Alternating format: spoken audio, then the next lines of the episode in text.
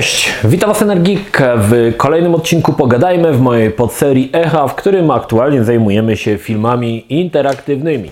Dzisiaj mamy rok, dzisiaj opowiem o roku 95 i tych gier niestety jest dość dużo, bo pomimo, że wywaliłem prawie połowę, bo trochę nie było sensu omawiać dokładnie wszystkich tych gier, to i tak liczba tytułów tutaj mam 16. Postaram się oczywiście o części z nich e, tych, które tak nie do końca będę omawiał, ale wspomnę. e, Z tego względu, że wiele tych gier nie wnosiło zupełnie nic nowego. Były to po prostu tytuły, które sobie. Czekajcie, przybliżę sobie trochę kamerę. E, Były to tytuły, które nie wnosiły nic nowego, opierały się na podobnych e, zasadach co tytuły konkurencji, także nie ma też sensu ich tutaj za bardzo e, omawiać. Pierwszą grą jest to ciekawy tytuł, jest to Brain Dead 13, czyli Brain Dead 13 i niestety nie jest to gra na podstawie martwicy mózgu Petera Jacksona. Braindead 13 to w ogóle był dla mnie dość dziwna, do- była to dla mnie dość dziwna gra, ponieważ została ona stworzona przez firmę Redisoft, która robiła mm, konwersję y, hitów Dona Bluffa na PC, czyli Dragon Slayer i Space Ace. E, I to była dokładnie taka gra, tej samej, e, tak samo skonstruowana jak Dragon Slayer. Różnica była taka, że Dragon Slayer pojawił się w 1983 roku, a w 1995 powrócono do tej formuły. Pytanie, czy to się mogło udać? Zasadniczo tego typu gry nie miały już racji bytu, bo to już były zupełnie inne czasy, a jednak postanowiono zrobić coś takiego jak Braindead y, 13. I sama gra opierała się dokładnie na tej samej zasadzie co Dragon Slayer i chyba była moc, bardzo mocno była wzorowana na Dragon Slayer, czyli mieliśmy fantastycznie animowaną kreskówkę, w której musieliśmy w odpowiednim momencie nacisnąć klawisz, aby kreskówka potoczyła się dalej. Jeśli się spóźniliśmy, no bądź źle nacisnęliśmy klawisz, no to nasz bohater ginął. W odróżnieniu od e, Dragon Slayer tutaj mieliśmy dostawcę pizzy, który przybywa do jakiegoś takiego zamku, gdzie robią eksperymenty, no i tam rusza za nim, chyba się nazywał Fritz, o ile, o ile dobrze pamiętam, taki pomocnik takiego mózgu, który zarządzał tym e, słoju, który był właścicielem tego zamku i on zamiast, ten Fritz miał zamiast rąk takie dwa haki. Pamiętam, że pierwszy raz grę zobaczyłem na jakiejś płytce z demkami e, z jakiegoś zagranicznego czasopisma i to było takie chyba nieinteraktywne demo, już teraz nie pamiętam. E, I pamiętam, że zrobiło to na mnie spore wrażenie. Znaczy, podobało mi się to, ładnie to wyglądało i faktycznie dla osób, które lubią gry Dona Bluffa, no to było to faktycznie super. Oczywiście Don Bluff przy tym nie pracował, ale i tak e, wydaje mi się, że animacja pod kątem przygotowania i grafiki wyglądała bardzo dobrze. Yy, to, co odznaczało się w Braindead, to dość wysoka, wysoki poziom brutalności. Oczywiście nie było krwi i e, nie było gory, że tak powiem, ale e, nasz bohater ginął często w bardzo uroczy sposób z rąk Fritza w przeróżny, przeróżny sposób. To w Dragon Slayer tego też nie było, ale tutaj może mm, wszystko było w takim kartunowym klimacie i e, rysunkowe, ale nie znaczy to, że nie było to pokazane w sposób brutalny. Natomiast najciekawsze jest to, dlaczego Readysoft się zdecydowało na stworzenie takiej gry. Podobno gdzieś tam jest jakiś nawet niemały, znaczy mały chyba kult e, tej gry. Natomiast e, ja pamiętam, że zrobiło to na mnie wrażenie. Jest to jedna z tych gier, które posiadam e, w oryginale, tylko nie mam chyba w Big Boxie. Nie, nie mam w Big Boxie, mam normalnie w CD Case'ie i jest to gra, którą dostałem troszkę w bonusie, bo coś kupowałem z eBaya, jak ktoś mi tą grę dorzucił po prostu do, do pudła pełnego barachła. Natomiast no, e, pokazuje tutaj ta gra, że te pomysły Dona Bluffa, protoplasty, że tak powiem, Quick Time Events, one nadal gdzieś tam funkcjonowały i nadal ktoś jeszcze chciał wyciągnąć z tego coś. No niestety e, Braindead 13 na tą chwilę jest chyba ostatnią taką grą e, i nic więcej się do tej pory nie pojawiło bazującego dokładnie na tym samym pomyśle. I o ile gry Dona Bluffa cały czas są wznawiane na nowe platformy, bo nawet i w aktualnych czasach możemy kupić e, na przykład na Blu-rayu, o tyle Braindead e, pojawił się jedynie na konsolach, e, o ile dobrze pamiętam na PC, Freedio, chyba na PlayStation i nie wiem czy na Saturnie się pojawił, szczerze mówiąc, nie pamiętam, ale on na tych, już później nie był nigdy wznawiany, także gdzieś ta siła marki siłę marki ciągnęło to, to nazwisko Dona Bluffa, który był dosyć znanym animatorem swoich czasów, natomiast Braindead 13 gdzieś po prostu sobie znikł. I w sumie się nie dziwię, bo była ta gra, która e, co prawda chciała jakoś z tych filmów popularności, z tych filmów interaktywnych czerpać i coś ugryźć, kawałek tortu, ale chyba nie do końca to się udało. E, kolejną grą jest druga część e, Siberii, czyli Siberia 2 Resurrection, robiona przez legendarne studio Xatrix. Niektórzy może znają, niektórzy nie, chociażby Kingpina Life of Crime robili. E, Siberia 2 w zasadzie była dokładnie tym samym, czym była Siberia 1, czyli połączeniem strzelaninki z delikatną grą przygodową. E, powstała druga część prawdopodobnie dlatego, że pierwsza się całkiem nieźle sprzedała, ja się nie dziwię. Natomiast tutaj ciekawe jest to, że e, te gry wdział, dzielił chyba rok, o ile dobrze pamiętam, bo Siberia, tak, w 94 się pojawiła, natomiast dwójka pojawiła się w 95 ale widać było już, jaki jest duży skok pod kątem prerenderowanej grafiki i animacji. Oczywiście możemy to złożyć na karp tego, że też był większy budżet, że pracowali inni artyści i tak dalej, ale też yy, w tamtych latach, no takie, tak mi się wydaje oczywiście dzisiaj, tak z perspektywy czasu patrząc, że w tamtym czasie technologia związana z grami wideo po prostu galopowała. Dzisiaj może tego nie zauważam i może za 10 lat będę uważał, że właśnie w 2020 ta technologia galopowała. Natomiast y, mam wrażenie, że w latach 90. tak to bardzo przyspieszyło. E, zmieniało się to wszystko, że to w zasadzie co miesiąc wychodziło coś nowego. Szczególnie kiedy już weszła grafika 3D, to co miesiąc każda kolejna gra dorzucała jakiś nowy elemencik, który sprawiał, że e, było to coś świeżego. Dzisiaj tego nie zauważamy, dzisiaj troszkę bazujemy już na tych pomysłach wypracowanych z lat 90. tak naprawdę. E, nie mówię o fabule i gameplayach, ale samej, samej tej technologii, która gdzieś tam się narodziła w tych latach 90., ona oczywiście ewoluowała, pojawiły się jakby nowe wersje, e, nowe jakby e, elementy, ale to nadal jest zaczątki gdzieś tam w tych latach 90. I w tamtym właśnie czasie widziałem, że to strasznie, strasznie szybko leciało do przodu. No i dzisiaj tak z perspektywy czasu właśnie, i tu Siberia jest właśnie przykładem tego, że bardzo, znaczy bardzo, widać różnicę, tak? Ta dwójka naprawdę wyglądała, to nadal była ta gra, celowniczek e, oparty na prerenderowanej grafice, bo to jeszcze nie było wtedy w 3D. E, wszystko było prerenderowane, ale i tak wyglądało wiele lepiej niż część, e, część pierwsza. Kolejną grą jest dosyć ciekawy tytuł, jest to Cycle Mania i to jest gra, w której próbowano zrobić coś takiego jak w, w, w, w Motorejsie, Mega Race, Mega. Wyścigi motorów to nie było nic nowego, bo wyścigi motorów pojawiały się od dawna, natomiast w Cycle Mani zrobiono dość ciekawy patent. Co ciekawe, jest to też uważane, że jest to film interaktywny, tylko dlatego, że jest tam grafika e, filmowa. Otóż e, wszystkie trasy były nagrane po prostu normalną kamerą, gdzieś tam chyba w Izraelu czy gdzieś. Ktoś jechał po tej trasie i tą trasę nagrywał. Następnie wrzucono to w komputer. Na tą trasę nagraną z kamery, ruch kamery, wrzucono po prostu e, sprite'owe motorki, które się ścigały ze sobą. Pomysł wydaje się prosty, ale faktycznie jeżeli chodzi o e, gry wyścigowe, no to Cyclemania można było określić mianem fotorealizmu, no bo to był fotorealizm, bo to trasy były wzorowane, znaczy nie wzorowane, były po prostu faktycznymi filmami wziętymi z danej trasy, jak ktoś jechał, więc wyglądało to naprawdę spoko. Natomiast y, słabe było to, że tam chyba było 5 albo 4 trasy, chyba 5. I to już nie było fajne, bo tych tras było naprawdę mało. E, natomiast no, widać, że y, próbowano coś z, tych, z tej technologii, tych, e, z tego pojemności CD-ROMu, tych e, filmów interaktywnych wyciągnąć coraz więcej i gdzieś upychać te pomysły w innych gatunkach gier. No, kto z Was by pomyślał, że wyścigi mogą być filmem interaktywnym? Pewnie nikt.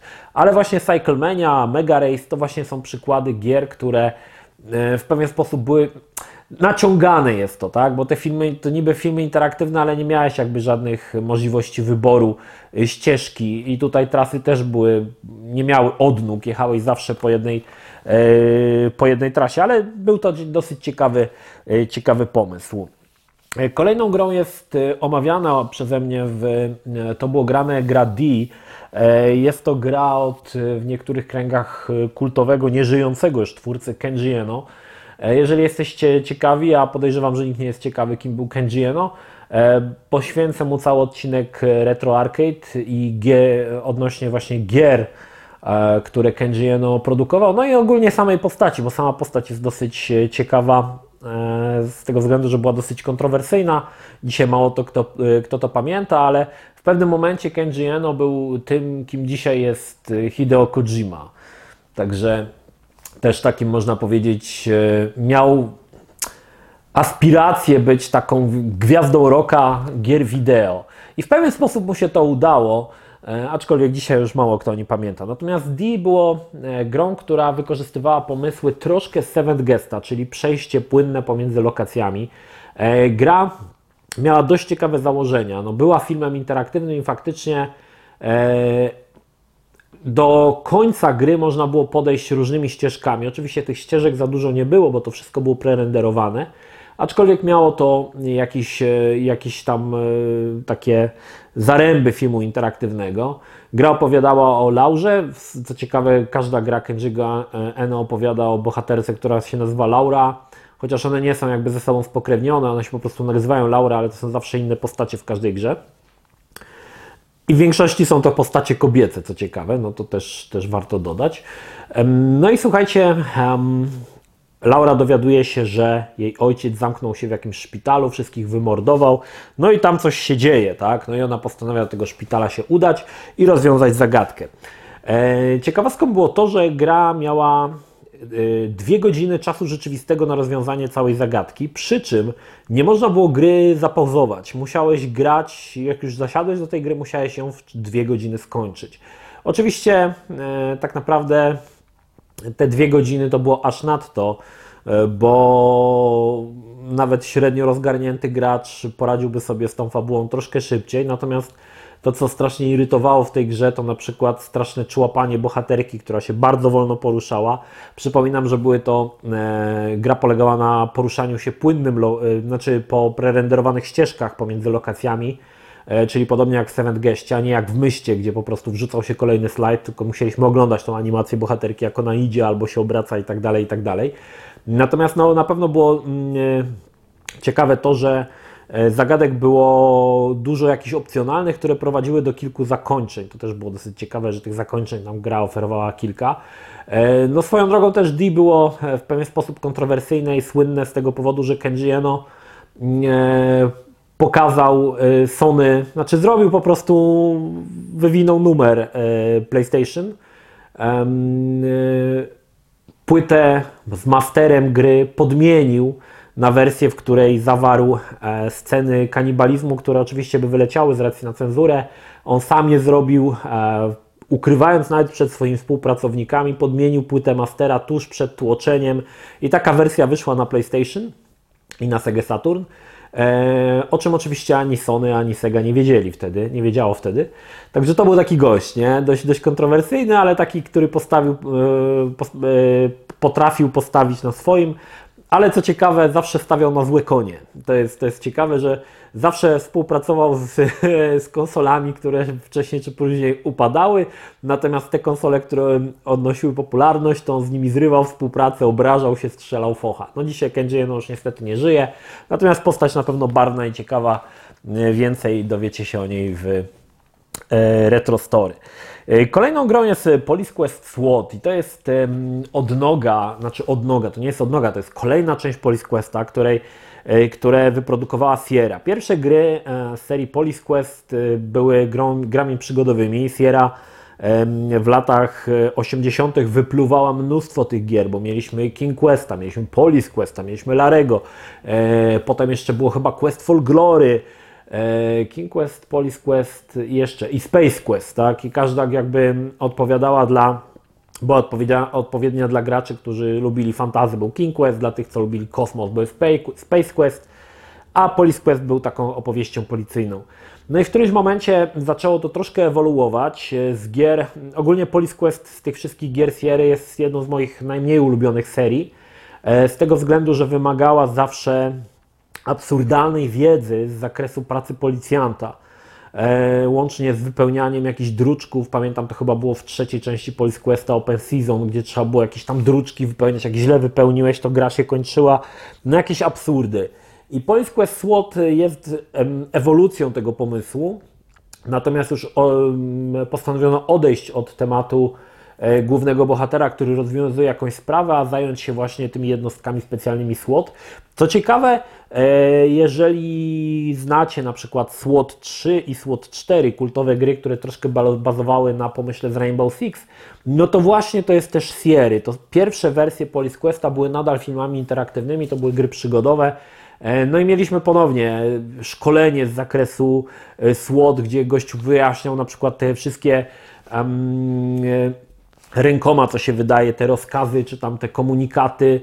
No i też to była gra w zasadzie bez opisu, jeżeli nie byłeś w jednostce SWAT, to ciężko byłoby Ci to skończyć. Natomiast no, to była jeszcze nadal gra interaktywna, gdzie e, trzeba było wydawać rozkazy i tutaj widać początki tego, co pojawiło się w SWOTie i w Rainbow Six, słuchajcie, bo mieliśmy sytuację, że staliśmy na przykład e, przed jakimś zadaniem wejścia do jakiegoś budynku i wybieraliśmy z listy, czy mamy wyważyć drzwi, czy mamy wrzucić flashbang i tak dalej, i tak dalej. Tego typu pomysły oczywiście pojawią się potem w SWOT 3, SWOT 4, w Rainbow Six, ale na początku było to jakby e, oparte na filmie interaktywnym. Oczywiście zła, zły wybór wiązał się z tym, że twoi, twoja drużyna ginęła i game over i trzeba było zaczynać od nowa.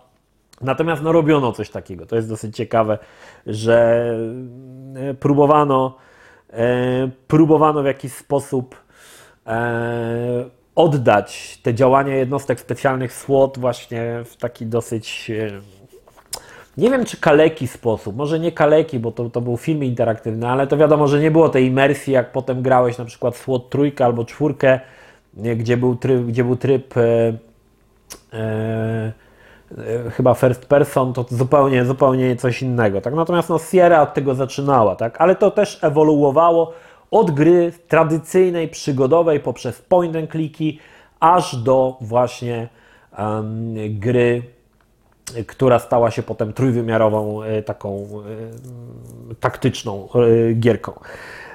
Co ciekawe, pojawiło się też, zaczęły się pojawiać gry z różnymi aktorami. Człowiek Demolka na przykład z z Wesley Snipesem. Zawsze mi się myli, że tam Rodman grał, a Rodman grał w innej grze. To z Wesley Snipes, Człowiek Demolka ze Stallone i też powstała gra, ale ona się pojawiła tylko na 3D, ja nie grałem akurat ten tytuł. Eee, ale w tym materiale jeszcze usłyszycie o paru innych tytułach. Nie będę tutaj mówił za bardzo o Człowieku Demolce, bo to nie, nie był dobry tytuł. Natomiast kolejną grą jest e, Frankenstein e, Through the Eye of the Monster i to jest kolejna gra, w której postanowiono zatrudnić aktora. Był tutaj e, główną rolę, główną rolę no, doktora Frankensteina grał niejaki Tim Curry.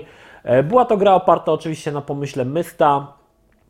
Tą wartością dodaną był aktor, którego znałeś z filmów, m.in. Rocky Horror Show, kultowego w niektórych kręgach filmu. Natomiast widać było, że trochę brakuje pomysłu w tych grach przygodowych, co dalej ta pojemność CD-ROMu, zamieszczanie tych wszystkich cutscenek z aktorami, digitalizowanej mowy, często tych płynnych przejść, chociaż tutaj Frankenstein nie oferował płynnych przejść, tylko przejście pomiędzy slajdami. E, wyglądało na to, że te gry gdzieś się, te gry przygodowe w którymś momencie się zatrzymały. Nie wiadomo, nie, nie za bardzo wiedziano, co zrobić, żeby pójść dalej. Jeszcze technologia nie pozwalała przenieść wszystkiego na 3D, bo jeszcze to były nie te czasy. Natomiast e, pojemność e, płyty umożliwiała zamieszczenie tych wszystkich fantastycznych rzeczy, ale jak to dalej spożytkować, jak wprowadzić coś nowego. I o ile inne gry próbowały, bo tak jak mówiłem, Cyclemani, te wyścigi i tak dalej, tak point and clicki nagle stanęły w pewnym miejscu i nie mogły dalej ruszyć. Po części wydaje mi się, że też to będzie e, powodem śmierci point and clicków, e, bo formuła się po prostu wyczerpie. Nie, oczywiście mm, ideą, znaczy największą siłą przygodówek, point and clicków były fabuły, e, ale w pewnym momencie to już będzie za mało, żeby udźwignąć cały ciężar. Zwłaszcza, że wejdą gry jak FPS-y, które będą szalenie imersyjne, gry, to będą szalenie imersyjne gry e, z coraz lepszą grafiką. Tam nie było co ulepszać w kolejnych tytułach, a point clicky jakby staną w miejscu i nie za bardzo będzie wiadomo, e, w którą stronę iść dalej. No i kolejnym ciekawą, e, film, ciekawym przykładem jest e, gra Johnny Mnemonic, The Interactive Action Movie. E, I to jest, jeżeli oglądaliście Johnego Mnemonika, grał tam Keanu Reeves, jednakże ostudzę Was zapał, nie jest to gra, w której będziemy sterować Keanu Reevesem. Na kanwie popularności, czy tam to jakoś było w sumie równolegle, obok filmu Johnny Mnemonic postanowiono zrobić grę, aczkolwiek zatrudniono zupełnie innych aktorów, y, no i ponownie powstała to gra, troszkę taki film interaktywny, troszkę point and click. E, był to straszny gniot ogólnie ten Johnny Mnemonic, znaczy film był spoko, gra była gniotem e, i widać było, że to było wyciskanie kasy na kanwie popularności filmu, e, więc, więc chociaż tam chyba nawet Gibson reklamował kiedyś ten, tą grę. Natomiast to jest właśnie przykład to i na przykład Demolition Man, to jest jakby te gry na podstawie filmów, które były wcześniej, wiecie, pamiętacie, że były na przykład te platformery zazwyczaj. Jak wychodził jakiś znany film, to zawsze miał jakiś dedykowany platformer. Nie były to złe platformery, bo tam Batman był, nie wiem, Blues Brothers, mnóstwo, mnóstwo, mnóstwo. Każdy, każdy w zasadzie film miał swojego platformera. E, natomiast tutaj jakby wchodziło to na wyższy poziom, więc e, wychodził film Johnny Mnemonic, no to wychodził film interaktywny Johnny Mnemonic. Wychodził Demolition Man, no to wychodził też film interaktywny, czy też gra oparta troszkę na motywach filmu interaktywnego Człowiek Demolka i to próbowano też tak jakoś tam e, sprzedać, aczkolwiek no z Johnem Mnemonikiem postąpiono niefajnie, bo osoby, które kupiły grę i liczyły na to, że będzie Keanu Reeves, no to mogły czuć się mocno zawiedzione, tak? że, że jednak tutaj tego Keanu Reevesa nie ma, a jakiś tam patafian e, chodzi, który, który nie jest zupełnie nieznany. No i ta moda zatrudniania tych znanych aktorów, oczywiście to byli aktorzy troszkę, których gwiazdy już przyblakły, można powiedzieć, że takie aktorzy, których w kinach już raczej rzadko się e, widywało. Pamiętam, że przy Under Killing Moon e, grała Margot Kidder e, i strasznie się tym, ojej, Margot Kidder, ona chyba grała Lois Lane w Supermanie z Christopherem Reevesem, ale nie jestem do końca przekonany, ale chyba tak. No to była aktorka, która może i była znana tam w latach, nie wiem, 70., 80. i nagle ją do gry i w ogóle jakie to było, ojojoj. I w tamtym czasie zatrudniano takich aktorów. No tutaj fajnym przykładem jest na przykład yy, Commander, który zatrudnił Marka Hamila, który po Gwiezdnych Wojnach raczej nigdzie za bardzo się nie pojawiał jakby ta rola Luka Skywalkera do niego tak przylgnęła, że raczej e, nie mógł się pojawiać w innych filmach, bo był jednoznacznie kojarzony z tą grą. To jest właśnie ciekawe, że w zasadzie z tych e, Gwiezdnych Wojen tylko Harrisonowi Fordowi jakoś się udało, ale też grał właśnie w Wing Commanderze. E, obok niego grał Tom Wilson, czyli Biff z powrotu z trylogii Powrotu do przyszłości, no to już może troszkę bardziej znany aktor.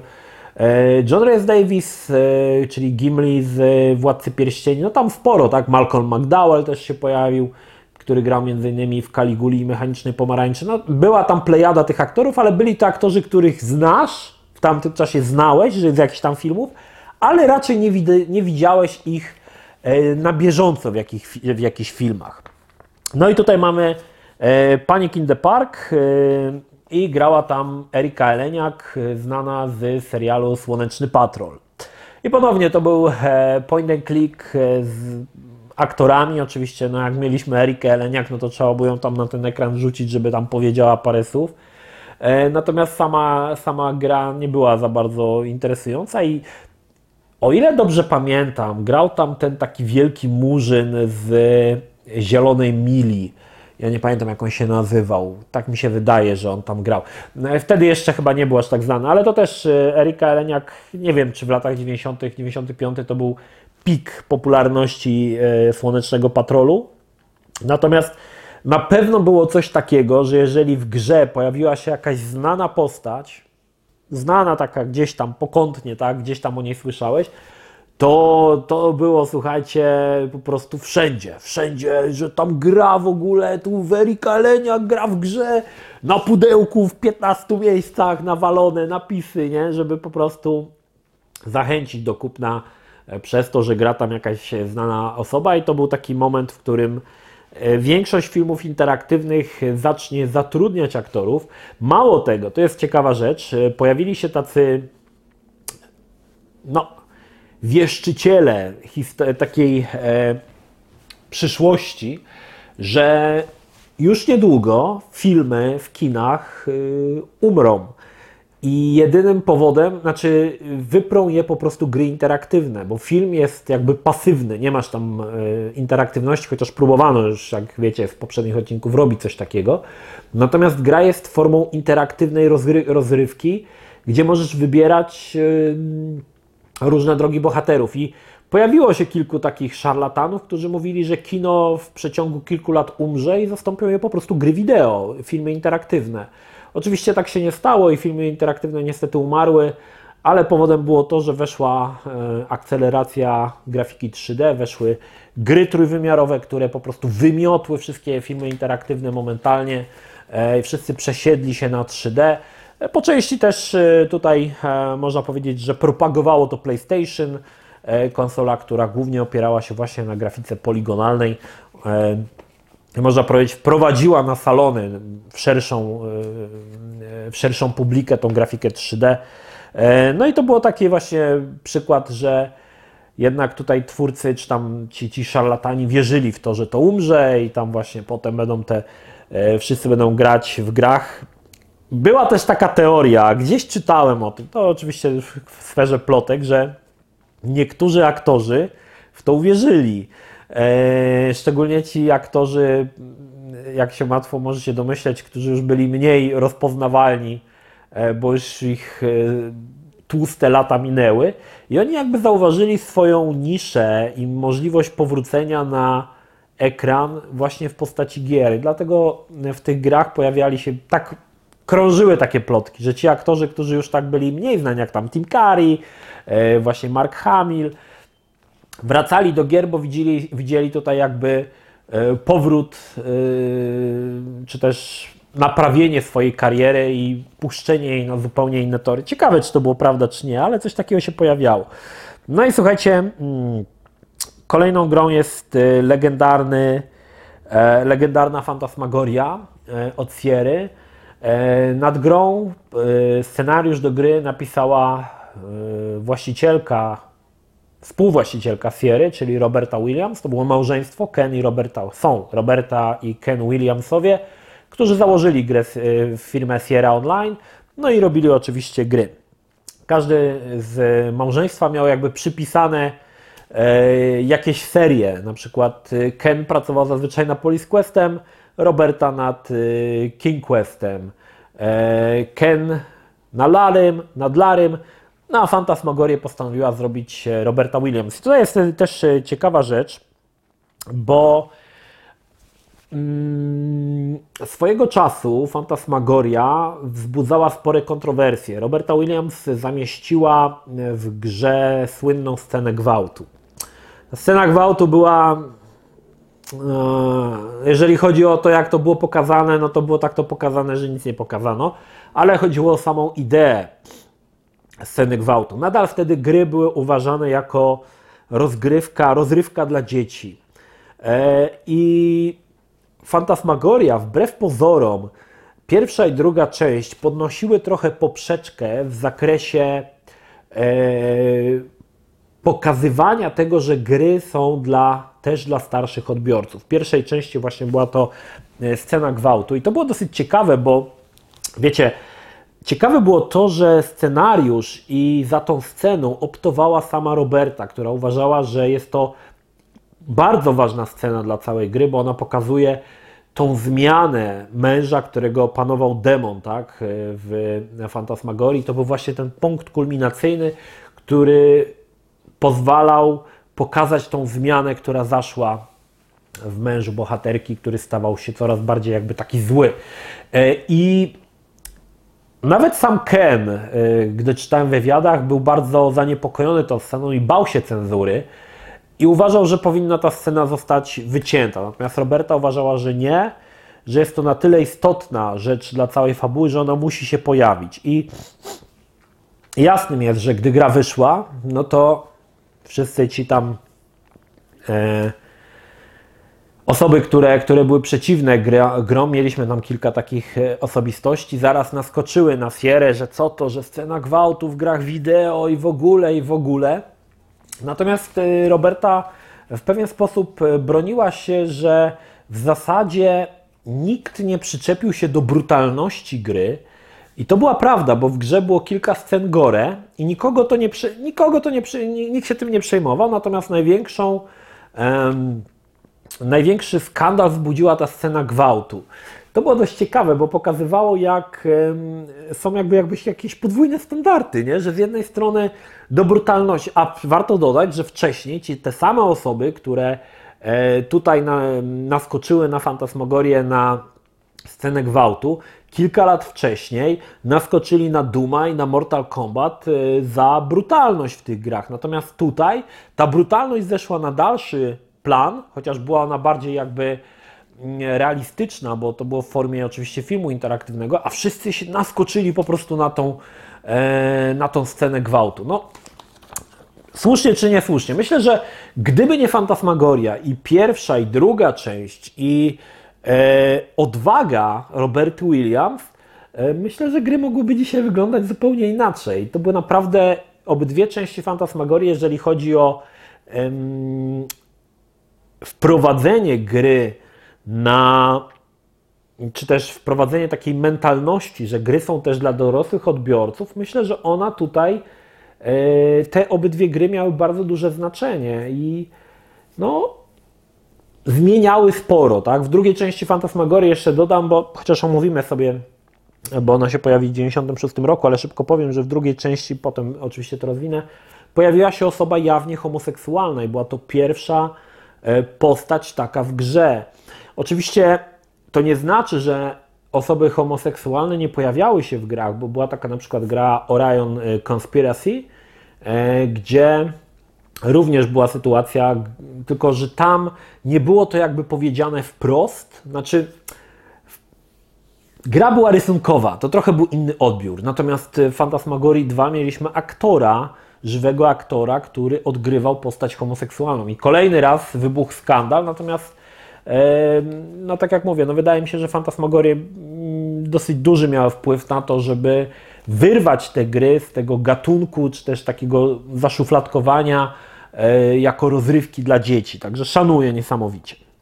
E, kolejną grą jest e, Psychic Detective, gra, która pojawiła się w to było grane. Uważam ją za jedną z, nie wiem, z czterech może prawdziwych filmów interaktywnych. E, Psychic Detective był ciekawym tytułem, ponieważ e, grę można było skończyć chyba w 20 minut, czy tam w 30 minut. I polegało to na tym, że mieliśmy postać, która mogła wnikać w głowy innych bohaterów. Dlaczego było to ciekawe?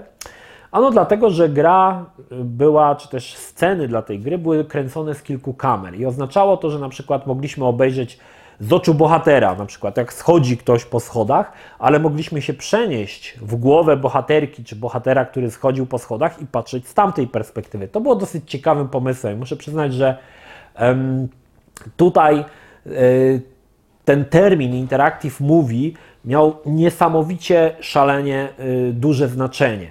Zwłaszcza, że gra działa się w czasie rzeczywistym, więc jeśli oglądaliśmy jakąś scenę z oczu jednej postaci, no nie mogliśmy zobaczyć, co widzi druga postać, więc musieliśmy, jeżeli się do tamtej przerzuciliśmy, nie widzieliśmy, co się dzieje tutaj. Y, I to było naprawdę fajnym, y, fajnym pomysłem. Oczywiście no, wadą było niewątpliwie to, że gra trwała no, 20 minut, co, co było dosyć takim wynikiem, można powiedzieć, kiepskim. E, natomiast na pewno fajne było to, że e, całą tą historię mogłeś zagrać wielokrotnie i za każdym razem odkrywać coś nowego, obserwować tą akcję z różnych oczu postaci i dopiero po skończeniu tej gry kilkukrotnie, kilkunastokrotnie zbierałeś do kupy całą tą historię i rozumiałeś wszystko. Bardzo fajny pomysł. Kiedyś widziałem taki film. E, nie pamiętam jak on się nazywał, tam nawet całkiem niezły, o jakimś takim wybuchu, bomby gdzieś tam i też było właśnie pokazana cała ta historia z różnych oczu, tak, z różnych punktów widzenia. Natomiast w grach e, powstało to troszkę wcześniej. No i jest to jedna z gier, którą z czystym sumieniem mógłbym przylepić naklejkę film interaktywny, właśnie Psychic Detective. Fajny tytuł, aczkolwiek dzisiaj mocno, mocno zapomniany. E, kolejną grą jest Slum City. To jest gra, w której próbowano e, dobra filmu interaktywnego wciągnąć w grę sportową. Jak to mogło się udać? Słuchajcie, Slam City właściwie powstały dwie takie gry. Co ciekawe, były one produkowane przez dwie różne firmy, bo Slam City wyprodukowało WWE, E, zatrudniono tam kilka znanych e, osób. Pojawia się m.in.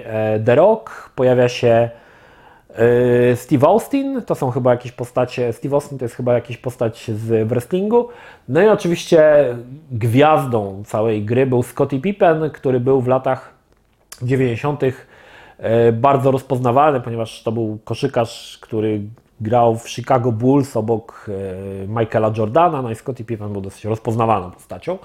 No i była to koszykówka, słuchajcie. Sam City było koszykówką, natomiast e, była to koszykówka zrealizowana w dość dziwaczny sposób, którego dzisiaj pewnie, jeżeli byście nie obejrzeli tego na screenach, ciężko było mi wyjaśnić. Postać, którą sterowaliśmy była w formie sprite'u, natomiast przed nami tworzy, toczył się film, na przykład Scottie Pippen tam kozłował piłę, a naszym celem było oczywiście zabrać mu tą piłę, no i tam wygrać pojedynki jeden na jeden. Był to faktycznie film interaktywny, E, pomysł sam na Slam City był no niesamowicie dziwaczny, bo wcześniej pojawiały się e, e, koszykówki, chociażby Michael Jordan In Flight, które były grami 2 na 2 i które miały już trójwymiarowe boisko, takie pseudo i miały digitalizowane postacie w postaci na przykład tutaj akurat Michaela Jordana, ale tutaj było coś zupełnie innego, jakby próbowano ten pomysł, kurde, teraz popularne są filmy z aktorami, filmy interaktywne z aktorami, weźmy tego Scottie Pippena i zróbmy koszykówkę.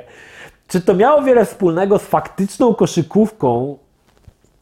Ciężko powiedzieć. No był to trochę taki, taka dziwna produkcja i w zasadzie ze sportowych gier jedyna na rynku tego typu rzecz, e, chociaż będzie jeszcze jedna gra, ale to już nie sportowa, zaraz o niej opowiem. Natomiast no, Slam City to była w ogóle strasznie dziwaczna rzeczy. Pamiętam, że kiedyś czytałem e, recenzję tego w Secret Service, czy tam w Top Secrecie i pomimo screenów ja sobie nie potrafiłem wyobrazić, jak w to się po prostu gra. Na czym ta gra polega? O co tu w ogóle chodzi? Czy to jest koszykówka? Czy to jest po prostu film? Czy to jest e, quick time event? Ciężko mi powiedzieć, co to było. Natomiast no, powstawały tego typu eksperymenty, które próbowały w jakiś sposób E, ten film interaktywny wciskać nawet w gatunki gier, do których w zasadzie te, ta formuła nie pasowała. E, kolejną grą jest e, jeden z moich ulubionych filmów interaktywnych, czyli Star Wars Rebel Assault 2 The Hidden Empire. Po części pierwszej Rebel Assault postanowiono stworzyć dwójeczkę. Dwójka była słynna z tego, typ, z tego powodu, że było to pierwszy raz od powrotu Jedi wykorzystano do produkcji oryginalne e, tamte gadżety z Gwiezdnych Wojen, te rekwizyty, przy produkcji oczywiście filmu. Rebel Assault 2 nadal opowiadało Rookie One, e, który e, no w tym wypadku było to troszkę inaczej rozwiązane, bo pierwsza część Rebel Assaulta była następującymi po sobie jakby poziomami, pomiędzy którymi łącznikiem była jakaś tam scena z Gwiezdnych Wojen po prostu zdigitalizowana. Natomiast w Rebel Assault 2 wszystkie sceny nagrano od nowa z użyciem aktorów, z użyciem oryginalnych rekwizytów z Gwiezdnych Wojen i to było spoko. Natomiast na pewno jeżeli chodzi o filmowość produkcji, no to Rebel Assault myślę, że jest jednym z takich naprawdę gier, które można by postawić na samym szczycie. Niekoniecznie nazwałbym to film interaktywny, aczkolwiek prowadzenie akcji przypominało faktycznie, jakbyś oglądał film z Gwiezdnych Wojen. Zaczynało się, kiedy dwóch bohaterów leciało B-Wingiem. Jeden z tych e, zostaje zniszczony, B-Wing ląduje na planecie.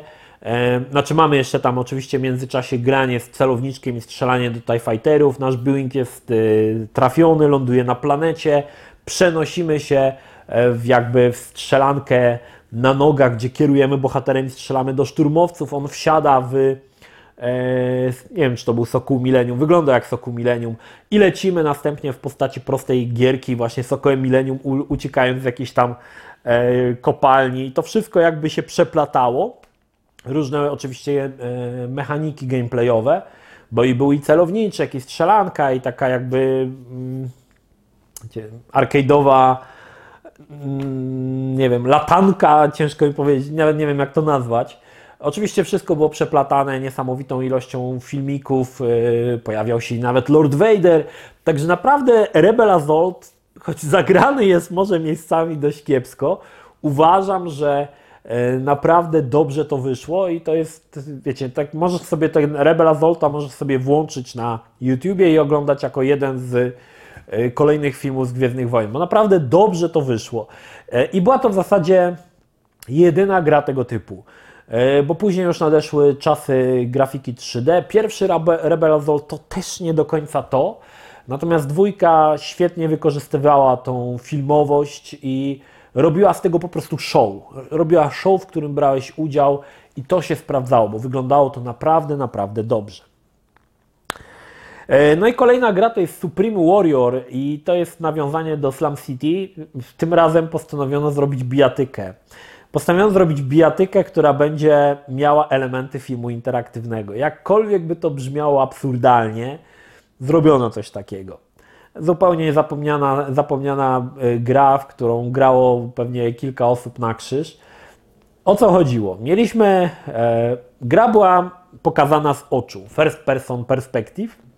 Mieliśmy na ekranie ręce naszego bohatera i przed nami toczył się film. Jakiś tam wojownik robił esy, floresy, a my mogliśmy albo zadać cios, albo zrobić unik, albo zrobić blok, tak? To te, tak te ręce chyba składał.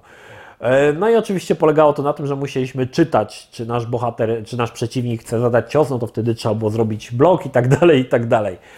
E, całość była troszkę opowiedziana w takim e, filmie mm, w stylu japońskiego karate, takiego popularnego, jak kiedyś były Pijany Mistrz z Jackie Chanem i tego typu rzeczy. No, kino kopane z lat 80., może tak to nazwę, z Japonii. To już takie filmy były z Japonii, czy tam z Chin nie wiem, z Chin chyba, nie? Dziwaczne, dziwaczna rzecz. E, natomiast no, to jest też kolejny przykład, że próbowano ten film interaktywny wtłoczyć w coś, co po prostu nie miało sensu. Bo lepiej było zrobić coś jak Mortal Kombat, gdzie były digitalizowane postacie e, i to wyglądało lepiej. Natomiast tutaj postanowiono zwiększyć imersję i dodać e, ten rzut z oczu bohatera. Jakim był problemem tego typu gry? Islam City i Supreme Warrior? No taki, że e, zazwyczaj obraz był bardzo kiepskiej jakości. Przypominam, że jeszcze nie było DivXów, więc wszystko było kodowane jakimiś autorskimi kodekami. Jedne robiły to gorzej, jedne robiły to lepiej. Zauważcie, że mamy 95 rok i zobaczcie sobie gameplay z Supreme Warrior i z gry, która również była w 1995 roku Rebel Assault. I zobaczcie, jaka jest różnica, jaka jest kolosalna różnica w jakości filmów w tych obydwu grach. E, niby ten sam rok, ale tak jak mówię, no każda firma miała swój jakiś tam wewnętrzny e, kodek obrazu. E, I w mojej opinii akurat w tamtym czasie LucasArts przy Rebel Assault miał jeden z lepszych kodeków, bo te filmy nawet były chyba w 640 na 480, a w pozostałych grach były 320 na 240, między innymi właśnie w Slum City, w Supreme Warrior, co w zasadzie powodowało, że widziałeś na ekranie papkę z kolorowych pikseli. Na pewno to było głównie widoczne w Supreme Warriors, ponieważ tam mieliśmy dużo kolorowego tła, bohaterowie byli różni, tacy poubierani w jakieś tam kolorowe te, więc widziałeś po prostu zlepek pikseli, który przed tobą tańczy. No i jak tam zmrużyłeś oczy, stanąłeś 10 metrów od monitora, to tam widziałeś zarys, że to jest chyba wojownik. Natomiast no, to jest przykład właśnie, że próbowano robić tego typu dziwaczne rzeczy, które w zasadzie umarły po, jednym, yy, po jednej, po pierwszej próbie, bo ani yy, Slum City nie było kontynuowane, ani Supreme Warrior. E, kolejną grą jest The Eleventh Hour, czyli druga część Seventh Gesta, czyli gry filmu interaktywnego, gdzie chodziliśmy, chodzimy po posiadłości Henry'ego Staufa. Tutaj też e, chodzimy po posiadłości, aczkolwiek gra dzieje się jakby wiele, wiele lat później, więc całą tą posiadłość, którą znaliśmy z Seventh Gesta, odwiedzamy jeszcze raz, ale ona już jest zniszczona, tam syf, brud. Pomysł był fajny, bo w zasadzie dostawaliśmy dokładnie to samo, tylko że E, widzieliśmy to jakby po iluś tam latach i pomysł był fajny. Oczywiście e, wszystkiemu towarzyszyły przeróżne zagadki logiczne. E, no i pomimo, że Eleven Tower był grą, zawierał więcej kontentu, bo gra była na czterech płytach, Seven Guest był na dwóch, uważam, że Eleven Tower było o wiele gorszym produktem od pierwszej części, z racji tego, że Seven Guest był grą, która była dodawana E, w pewnym momencie do CD-ROMów jako pokaz możliwości samego CD-ROMu. To była gra, którą dostawałeś w bonusie, odpalałeś i ci po prostu gały wychodziły na wierzch. Ale to było nowe. Natomiast Eleven Hour pojawił się w momencie, kiedy już y, większość osób CD-ROM miała, wiedziała na co te CD-ROMy stać, a jednak bazował na tym samym pomyśle co Seventh Guest, więc już nie robił takiego wrażenia. I firma Trilobite, która produkowała te gry, w zasadzie po Eleven Hour zbankrutowała, bo Eleven Hour już tak dobrze się nie sprzedał jak Seventh Guest. Słusznie czy niesłusznie, zostawię to, to już y, każdemu do rozkminy, kto grał. Ja uważam, że Eleven Hour był po prostu za bardzo odtwórczy względem części pierwszej i zabrakło tam czegoś, czegoś nowego. Było to po prostu to samo, co Seventh Guest kilka lat wcześniej, a to było zwyczajnie za mało, żeby graczy przyciągnąć przed, przed monitory. No, siła marki, ale jak widzimy tutaj na tym przykładzie, siła marki nie za wiele się niestety, e, na niewiele się niestety zdała. Przedostatnią grą jest The Beast Within, a Gabriel Knight Mystery. Zauważcie, że jest to trzecia gra w 1995 roku od Sierry. Widać było, że Sierra ogarniała temat filmów interaktywnych, ogarniali temat point and clicków, więc naturalnym było przejście na e, filmy interaktywne. W 1995 roku pewnie tych gier wyszło więcej, ale mieli trzy filmy interaktywne i to całkiem niezłe. Był, tak jak już mówię jeszcze raz, Police Quest e, SWAT, Fantasmagoria i druga część Gabriela Knighta. Gabriel Knight jest fajnym przykładem, bo pokazuje on ewolucję grafiki. Pierwsza część Gabriela Knighta była grą całkowicie dwuwymiarową, e, pikselową. Druga, pierwsza część, druga część była filmem interaktywnym, a trzecia część Gabriela Knighta będzie już gra, grą przygodową całkowicie w 3D. Widać było, że Sierra śledziła te trendy i starała się im dotrzymać kroku e, i oczywiście dostosowywać się do potrzeb oczywiście gracza. No i e, The Best Within było grą która była filmem interaktywnym. E, no i była to gra całkowicie z aktorami, która działa się tam w Niemczech, chyba w Bawarii. E, dotyczyło to wilkołaków. Tutaj mała ciekawostka, grał tam e, polski aktor w ogóle. On się nazywał Piotr, mam tu, mam tu ściągę, także patrzę. Piotr Andrzejewski, chociaż w grze on tam jest Peter J. Lucas. Skąd skąd go mogliśmy znać? Był taki polski film Ostatnia Misja ale grał też e, w Killerów dwóch, e, Szakala. Akurat Killerów dwóch nie kojarzę za bardzo, nie, nie lubię za bardzo tych filmów, wybaczcie, ale grał Szakala, może to Wam coś mówi. Natomiast e, no było to widać, że Sierra ogarnia doskonale te filmy interaktywne i doskonale przeniosła tego Gabriela Knighta w formę filmu interaktywnego, chociaż rzeczywiście E, w tamtym czasie gracze kręcili nosem, bo Gabriela Knighta zagrał aktor, który był taki troszkę bardziej grubszy i to się nie do końca podobało. No, nie był to bohater, którego mogliśmy sobie wyobrazić, czy też znaliśmy z pierwszej części z tych grafik rysowanych. Nie był za bardzo podobny. Niemniej jednak to był właśnie przykład gry, która doskonale rozumie, czy też firmy może, która doskonale rozumie potrzeby rynku i umie je wykorzystać. Przekuć markę, która wyszła z grafiki całkowicie dwuwymiarowej, przekuć ją właśnie w film interaktywny, bo była to jakby przedłużenie tej pierwszej części, ale już w formie filmu interaktywnego i wyszło to doskonale, bo uważam, że Gabriel Knight 2 jest świetną grą i naprawdę wciąga, można się dużo też tej, z tej gry dowiedzieć, bo to jest też taka... Każda część Gabriela Knighta zawierała też dużą dawkę informacji, E, na temat historycznego jakiegoś tła, e, gdzie akcja się dzieje, także to było naprawdę spoko. Uważam, że to było naprawdę mega, mega fajne, bo w pierwszej części mogliśmy się dowiedzieć troszkę o Wudu, w drugiej części troszkę o tych Niemcach, bo tam pojawiały się tam opery Wagnera gdzieś tam w tle, a trzecia część e, trzeciej części, czego mogliśmy się dowiedzieć? Trzecia część się działa we Francji, więc mogliśmy się tam dowiedzieć coś o Francji. Ale już nie pamiętam co, bo już dawno nie grałem, ale trzecia część na pewno pojawi się w to było grane. E, natomiast no, fajnie, fajnie to, fajnie to wyszło. Uważam, że pomimo no, tego głównego bohatera, który tak no, był średnio może wpasowany, widać było, że jest, że Sierra potrafi, że Sierra ogarnia. No i ostatnią grą e, było The Dallas Encounter, no i ponownie zatrudnienie znanej aktorki w tym wypadku, czyli Tia Carrere, która grała wcześniej w świecie Wayne'a, faktycznie ona była w, w, podczas premiery Świata Wayne'a taką dosyć rozpoznawalną aktorką, bo była ładna po prostu, ładna była. E, no więc zaproponowano jej zagranie w The Dallas Encounter i ciekawe, czy to też nie przyczyniło się do końca jej kariery, bo potem ona już chyba nigdzie za bardzo nie zagrała w żadnym znanym filmie. Natomiast The Dallas Encounter, no to też ponownie gra, która e, była troszkę oparta na zasadzie popularności Tia Carrery. Oczywiście to była gra, w której ona się tam przewijała na ekranie. My nie sterowaliśmy co prawda Tią, ale e, takim robotem, który e, rozwiązywał zagadki logiczne, ale mogliśmy tą Tię pooglądać, tak, jeszcze jakiegoś gościa tam na, na ekranie. Natomiast no, to był kolejny przykład gry, którą miało sprzedawać nazwisko. E, bo Tia pojawiała się oczywiście na okładce, jakże z napisami Tia Carrere, tu w ogóle.